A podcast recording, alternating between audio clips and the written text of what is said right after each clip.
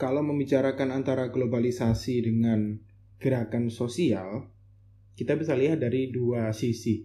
Bagaimana globalisasi itu menjadi lahan yang subur untuk pertumbuhan social movement, di sisi lain juga pada kasus-kasus tertentu globalisasi juga menjadi salah satu uh, hal yang justru menghambat social movement itu sendiri.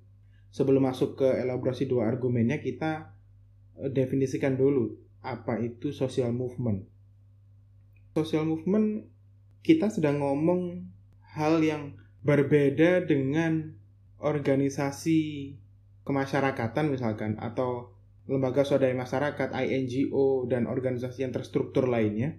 Social movement ini tidak ada strukturnya, artinya tidak ada uh, siapa yang bertugas menjadi pimpinan, mungkin koordinator ada, tapi pimpinan secara spesifik dengan tugas yang entitled uh, spesifik, kemudian tidak ada yang sifatnya uh, dia menduduki jabatan-jabatan tertentu, nggak begitu.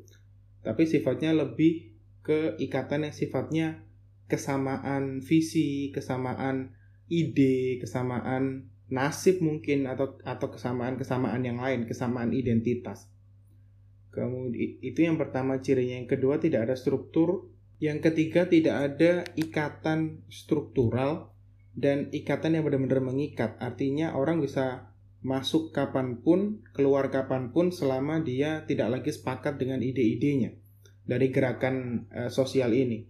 Atau bahasa awamnya, oh tidak ada keanggotaan khusus atau ke keanggotaan resmi.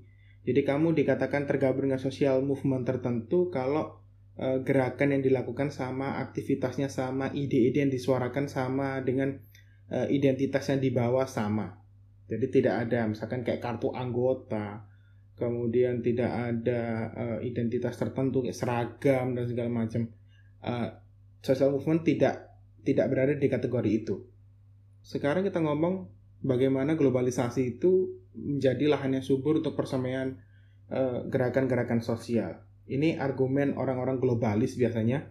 Jadi mereka point out interconnected uh, dalam masyarakat itu meningkat pasca globalisasi atau atau setelah titik awal globalisasi terjadi kemudian masyarakat jadi lebih gampang mengakses uh, instrumen-instrumen globalisasi sehingga uh, masyarakat di negara A bisa dengan dengan mudah terkoneksi dengan masyarakat di negara lain kemudian di belahan dunia lain sehingga uh, satu uh, dunia seluruh dunia itu uh, terjangkau bisa terpapar dengan ide-ide yang yang sama. Itu argumen khas globalis. Jadi dia sangat optimis terhadap dampak globalisasi terhadap kemunculan sesuatu, terhadap keberlangsungan sesuatu dan dan dampak positif yang lainnya.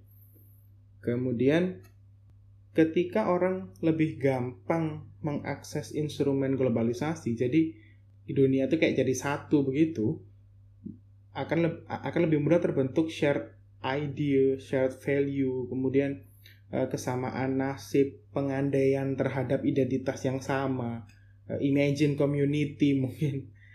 Jadi orang merasa senasib sepenanggungan kalau misalkan ada satu isu yang sangat lokal, yang paling gampang dan sering di, dibuat contoh dari 2011 uh, ada Occupy Wall Street di Manhattan di US. Di sana orang protes soal ketimpangan pendapatan, ketimpangan ekonomi yang sangat ekstrim antara satu persen orang dengan 99 persen orang. Yang dilakukan waktu itu gerakan gerakan Occupy Wall Street, dia bergerak secara masif justru di sosial media, di YouTube, di Twitter waktu itu yang yang sangat masif dari jangkaunya uh, luas adalah Twitter zaman-zaman tahun 2011. Akhirnya ada hashtag kalau nggak salah kalau nggak salah waktu itu uh, one percent versus 99% kemudian uh, hashtag poverty something. Uh, waktu itu sangat masif gerakannya. Akhirnya ide-ide yang awalnya dari US yang jadi sangat yang awalnya uh, sangat lokal menjadi sesuatu yang global. Dan banyak gerakan ini akhirnya uh, banyak yang setuju banyak yang merasakan hal yang sama, banyak yang merasakan ketimpangan yang sama dan banyak yang merasakan uh, kayaknya di sini juga begitu deh, negara saya juga begitu deh. ada satu satu persen orang yang sangat kaya ada 99 persen lainnya yang yang di bawah mereka gitu. Dan sifatnya eksploitatif dan dan sebagainya. Mereka menuntut kesetaraan ekonomi banyak yang yang setuju akhirnya banyak yang melakukan gerakan yang sama di berbagai negara oke okay? di di sana kemudian muncul Occupy Wall Street Occupy uh, di Indonesia ada Occupy Jakarta waktu itu tahun 2012 dan seterusnya dan seterusnya nah karena uh, gampang sekali terbentuk uh, shared value nilai-nilai bersama rasa senasib sepenanggungan kemudian apa ideologi dan dan dan mungkin sampai tahap ideologi tapi uh, yang yang yang bisa dikonfirmasi adalah idenya biasanya disepakati oleh banyak orang ada perubahan model gerakan tuh globalisasi juga juga akhirnya berkontribusi terhadap pergeseran dari apa yang disebut dengan uh, old social movement uh, bergeser menjadi new social movement. Ciri dari uh, beda dari old dan new, beda antara old and new social movement yang old biasanya basisnya adalah kewilayahan, basisnya adalah teritori, nationality biasanya. Gerakan uh, apa ya gerakan buruh misalkan di uh, Surabaya, gerakan buruh di Jakarta, gerakan buruh di Indonesia itu itu semua satu basisnya adalah wilayah. Karena mungkin apa yang terjadi dengan buruh di Indonesia dengan buruh di tempat lain di negara lain mungkin konteksnya beda. Ditambah lagi dengan globalisasi orang belum gampang mengakses instrumen-instrumen globalisasi waktu itu. Ini ini mungkin kisaran tahun 60 70-an deh. Kemudian sifatnya hierarkis, jadi ada ada keanggotaan, ada e, pembagian kerja yang jelas, ada pimpinan, ada bawahan, ada struktur-struktur kelengkapan yang lain, mungkin bendahara sekretaris kali ya. Kemudian tax oriented, jadi pembagian kerja yang jelas. Jadi ketika ngomong soal uh, gerakan sosial, oke okay, kamu misalkan bagian propaganda di media ini, kamu bagian ngatur keuangan, kamu bagian mempropaganda di tempat ini, kamu bagian ini itu, dan itu sistem kerjanya sistem kerja yang uh, bagi-bagi tugas, jadi dibagi dengan uh, mungkin in some way jelas dan dan dia berorientasi pada tugas-tugas spesifik. Nah, sedangkan kalau yang new itu biasanya orientasinya global, global oriented. Jadi value yang dibangun itu global value orientasinya uh, tidak lagi menyerang isu-isu kewilayahan yang sifatnya yang sifatnya domestik tapi yang sifatnya lintas batas negara. Misalkan kayak yang Occupy Wall Street tadi, dia menyerang di dunia ini tuh terjadi 1% versus 99%. Artinya semua orang uh, punya problem yang sama. Nilai itu yang yang ingin dibangun secara global. Kemudian multi stakeholder tidak cuma uh, labor center tidak cuma basicnya adalah buruh tapi juga uh, bisa jadi orang-orang yang punya rasa senasib sepenanggungan itu tadi ide dan sepakat dengan ide yang sama itu datang dari banyak background jadi stakeholdernya banyak misalkan kalau Occupy Wall, uh, Occupy Wall Street dan Occupy Jakarta ada dosen mahasiswa ibu rumah tangga. Banyak range partisipan dan orang yang sepakat dengan ide itu. Range peserta eh, atau partisipan dari social movementnya banyak multi stakeholder kemudian fluid network basic basisnya adalah network. Dia tidak hierarkis seperti yang old tadi. Yang hierarkis tadi yang hierarkis tadi kan ada pimpinan ada uh, struktur yang jelas ada kelengkapan aparatus organisasi yang jelas tapi kalau di sini enggak, siapa pun siapa pun bisa jadi koordinator misalkan, siapa pun bisa jadi uh, propagandis di sini, siapa pun bisa jadi donatur, siapa pun bisa jadi uh, ya interchangeable begitu fungsinya. Karena tidak ada sekali lagi tidak ada keanggotaan, tidak ada ikatan dan identitas yang mengikat.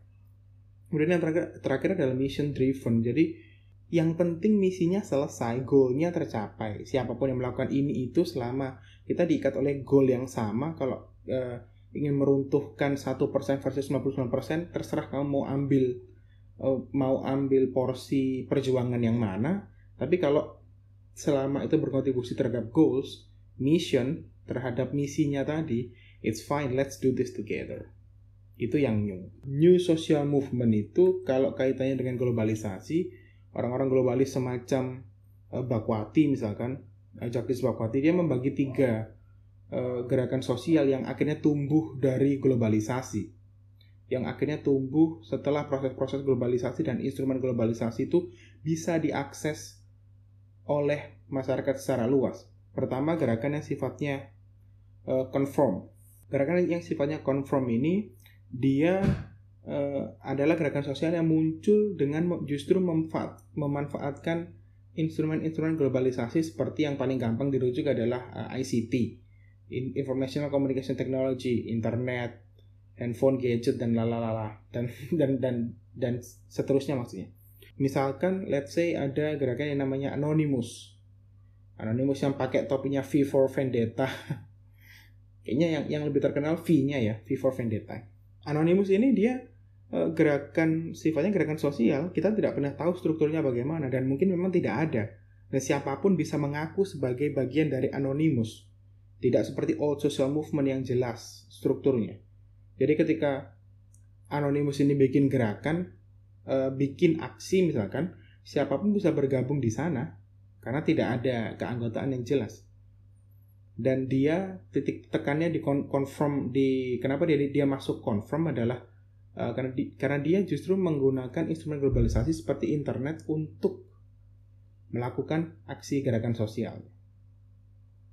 Oke, okay, social movement maksudnya ya. Itu. Kemudian uh, apalagi misalkan global student movement uh, yang yang yang justru Eh, ketika ada globalisasi mereka justru lebih gampang terkoneksi, lebih tumbuh lebih cepat, pertukaran pelajar dan segala macam itu itu ada juga itu juga masuk di sini di confirm. Kemudian uh, klik aktivism.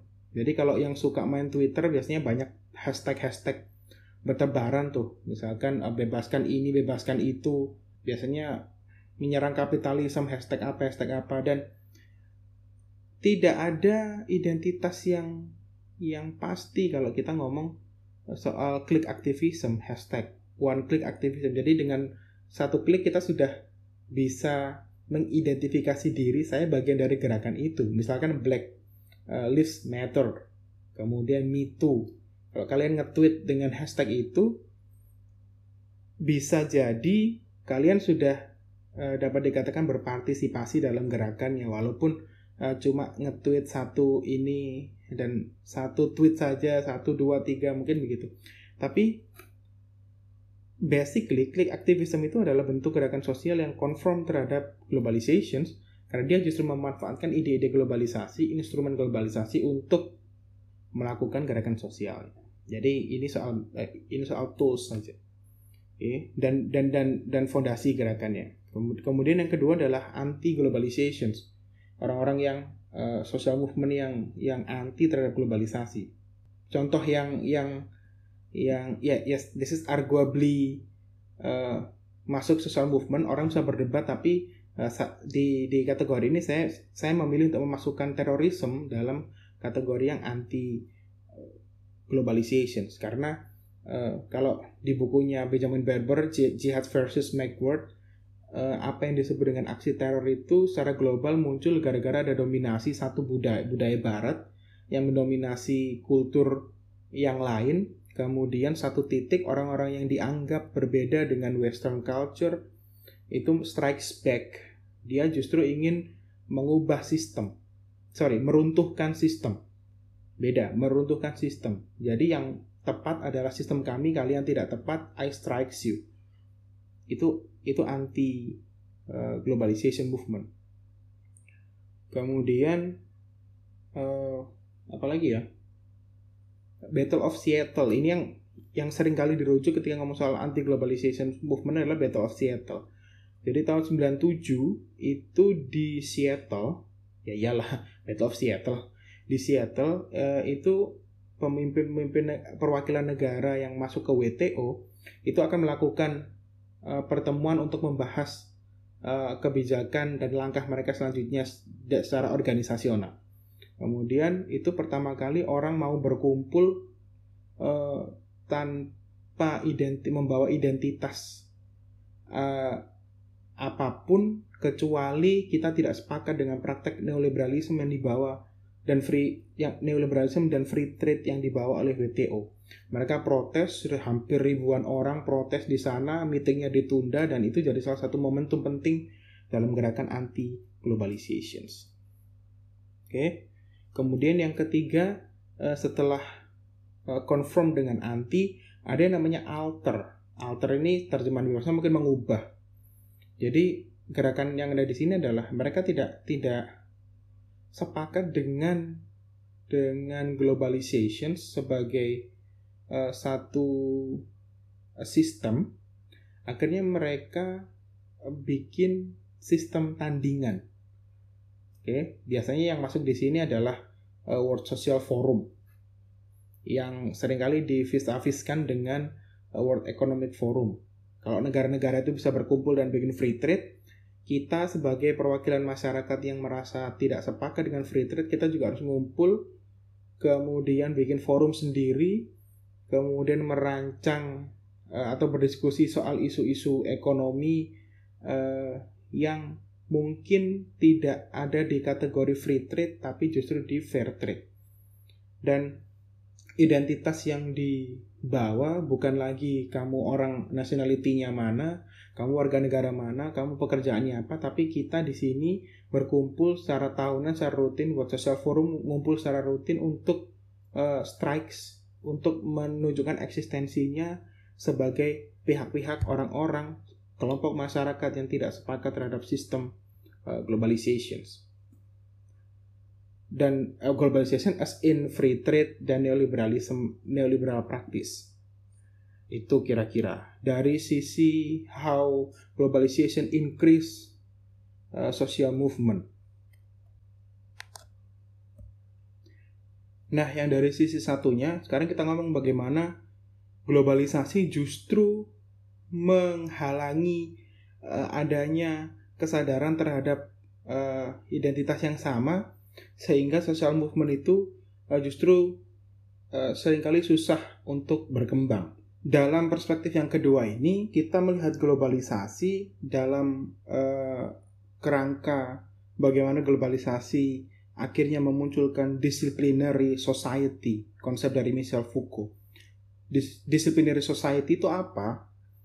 Uh, kita runut ke belakang dulu uh, melalui konsep apa yang disebut Foucault sebagai surveillance jadi uh, Foucault ngomong bagaimana dia sampai pada konsep surveillance dengan uh, di konsep panoptikon biasanya itu esensinya adalah surveillance melalui uh, pengamatannya terhadap penjara. Jadi konsep penjara abad ke-18 uh, mungkin sampai sekarang ya kayaknya. Nggak tahu, nggak pernah masuk ke penjara. Jadi konsep penjara abad 18 itu di tengah penjara itu ada satu bangunan tinggi kayak tower di mana di dalamnya uh, itu diisi oleh penjaga-penjaga yang mengawasi uh, prisoner yang ada di luar yang sedang beraktivitas. Tower yang tinggi ini dia punya banyak jendela, jendelanya itu dibikin gelap sehingga yang dari luar itu tidak bisa melihat ke dalam. Yang dari dalam bisa melihat yang ada di luar, bisa mengawasi yang ada di luar. Sipir penjara itu tidak perlu ada di sekitar eh, tahanan, tapi dia ada di tower tadi, ya apa yang disebut dengan panoptik tower. Kemudian sistem keamanan yang ingin dibangun, teknologi sosial yang ingin dibangun adalah tahanan itu tidak tahu kapan dia diawasi atau tidak oleh oleh sipir penjara karena sipirnya ada di ruangan yang tertutup yang bisa yang cuma bisa dilihat dari dalam keluar satu arah. Yang dari luar tidak bisa melihat ke dalam. Oke. Okay? Kemudian di uh, dalam itu ketika ada ada pelanggaran yang dilakukan oleh tahanan di luar, misalkan dia berlaku, berperilaku tidak sesuai dengan aturan penjara, uh, segera ditindak, dikasih punishment, dikasih hukuman misalkan dikurung di uh, tempat yang lebih ekstrim. Kemudian situasi ini akan membawa tahanan itu untuk mematuhi confirm terhadap peraturan-peraturan peraturan-peraturan penjara tanpa diminta secara terus-menerus. Yang dilakukan bukan mendisiplinkan uh, secara fisik, tapi yang diserang, dipengaruhi, yang diatur adalah psikologi. Karena tahanan itu tidak tahu kapan dia diawasi, kapan dia tidak diawasi. Jadi kalau daripada resikonya lebih besar, saya akan melakukan apa yang diminta oleh kekuasaan. Dalam konteks ini sipir penjara dan sistem yang sistem kedisiplinan yang ada di dalam penjara. Nah, Foucault berargumen makin ini diterapkan secara kontinu, secara repetitif akan menimbulkan yang namanya uh, disciplinary society. Jadi uh, mereka akan melakukan uh, mereka akan menormalisasi perilaku disiplin karena secara psikologis mereka mereka sudah di, ada berada di bawah pengaruh dari panoptikon di bawah kekuasaan. Oke. Okay? Foucault kemudian menarik konsep ini ke negara. Jadi negara itu sebagai satu otoritas politik, sebagai satu bentuk kekuasaan, dia tidak perlu mengatur rakyatnya secara fisik, tidak perlu ditodong dulu pakai senjata dia untuk dia harus melakukan sesuatu, tapi eh, kekuasaan yang tadi power yang tadi power untuk mendisiplinkan masyarakat uh, warga negara di dalamnya itu didistribusikan melalui uh, instrumen-instrumen power seperti Foucault beragama seperti penjara konsepnya sama seperti sekolah seperti rumah sakit seperti ya sekolah rumah sakit penjara barak semua institusi sosial itu mengandung apa yang disebut dengan biopower. Jadi kemampuan untuk untuk mendisiplinkan tubuh manusia. Karena kalau tubuhnya sudah didisiplinkan, psikologi selanjutnya yang didisiplinkan adalah psikologinya melalui konsep panoptikon. Itu itu konsep dasarnya, disciplinary society. Dalam globalisasi yang terjadi adalah kalau tadi konsepnya negara itu mendisiplinkan melalui punishment dalam globalisasi, aktor utamanya sering kali bukan negara, tapi market, pasar. Hart dan Negri dia uh, Michael Hart dan Antonio Negri dia pernah menulis soal empire. Bagaimana relasi antara market dan state itu akhirnya membentuk satu bisa satu uh, biopower yang akhirnya membentuk uh, menghasilkan satu disciplinary society melalui konsep-konsep melalui instrumen-instrumen globalisasi. Bagaimana caranya relasi negara dan pasar membentuk disciplinary society? Simple things through consumptions, konsumsi.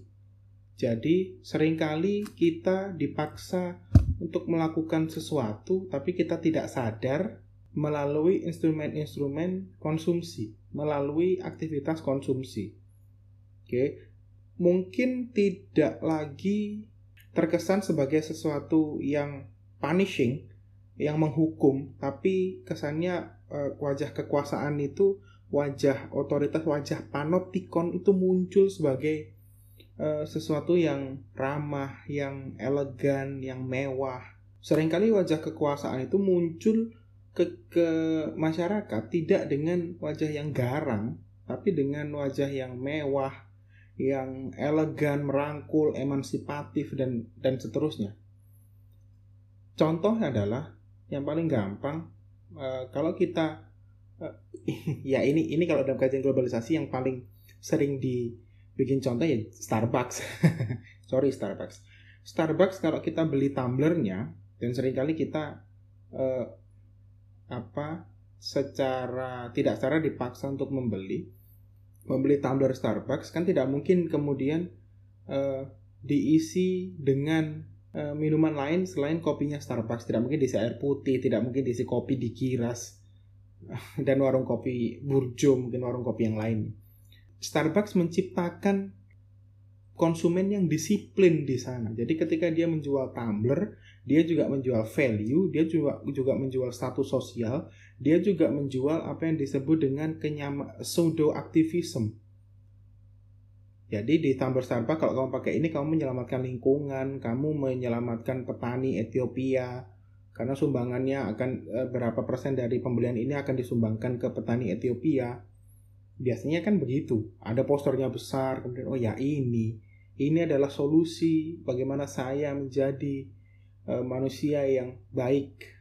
Kira-kira begitu. Melalui Starbucks. Tapi kemudian uh, yang yang sering kali tidak disadari adalah habit itu menimbulkan konsekuensi konsekuensinya adalah kita terikat secara disiplin oleh eh, produk-produk uh, dari Starbucks. Oke, okay. kalau tidak dilakukan konsekuensinya kita bakal ketemu dengan wajah kekuasaan otoritas politik yang impose uh, misalkan mengenakan uh, apa tax pajak bukan pajak ya mengenakan biaya untuk membeli untuk plastik misalkan mengenakan pajak kalau kita nyampah sembarangan. Jadi orang semakin terkurung di tengah otoritas-otoritas tadi, akhirnya dia membeli dan dia terikat dengan value itu. Itu yang pertama. Yang kedua, diskon deh. Ojek online. Ojek online itu sering kali memberikan diskon secara cuma-cuma. Misalkan kalau beli ini potongannya 10.000 20 sampai 40% biasanya atau eh, sekian puluh ribu uh, looks appealing, tapi konsekuensinya sering kali konsumsi yang awalnya tidak kita perlukan itu muncul, hasrat itu muncul. Kalau saya tidak pakai ini, saya tidak terikat dengan norma, tidak menjadi konsumen yang baik. Karena konsumen yang baik uh, adalah yang menggunakan diskon, kemudian memberikan tip, memberi kepada driver, membelikan makanan kepada driver, padahal semua itu intinya adalah consumptions boosting consumption. You are being disciplined by market through that mechanism. Oke, okay. dan sering kali kaitannya dengan globalisasi apa? Ini berlaku di level global. Jadi kadang-kadang sering kali eh, kesadaran-kesadaran untuk untuk berjejaring secara sosial, social movement, asumsi dari perspektif ini biasanya yang yang critical, eh, yang skeptik terhadap globalization adalah kesadaran-kesadaran untuk berjejaring sehingga sehingga mampu mengantisipasi dampak negatif dari globalisasi itu jadi hilang. Orang jadi sangat sibuk berperilaku disiplin, orang tidak berani membantah kekuasaan, orang tidak berani lepas dari konsumsi eh, yang nyata-nyata merugikan masyarakat dan memperkaya orang yang eh, pemilik modal dan segala macam. Itu kira-kira eh, dua perspektif yang bisa kita diskusikan bareng lah kira-kira. Oke, kira-kira kira-kira itu sih uh, recapnya ada dua perspektif uh, globalization menjadi lahan subur persemaian dari social movement. Yang kedua justru hold back melalui mekanisme disciplinary power tadi. Oke, okay, thank you, bye bye.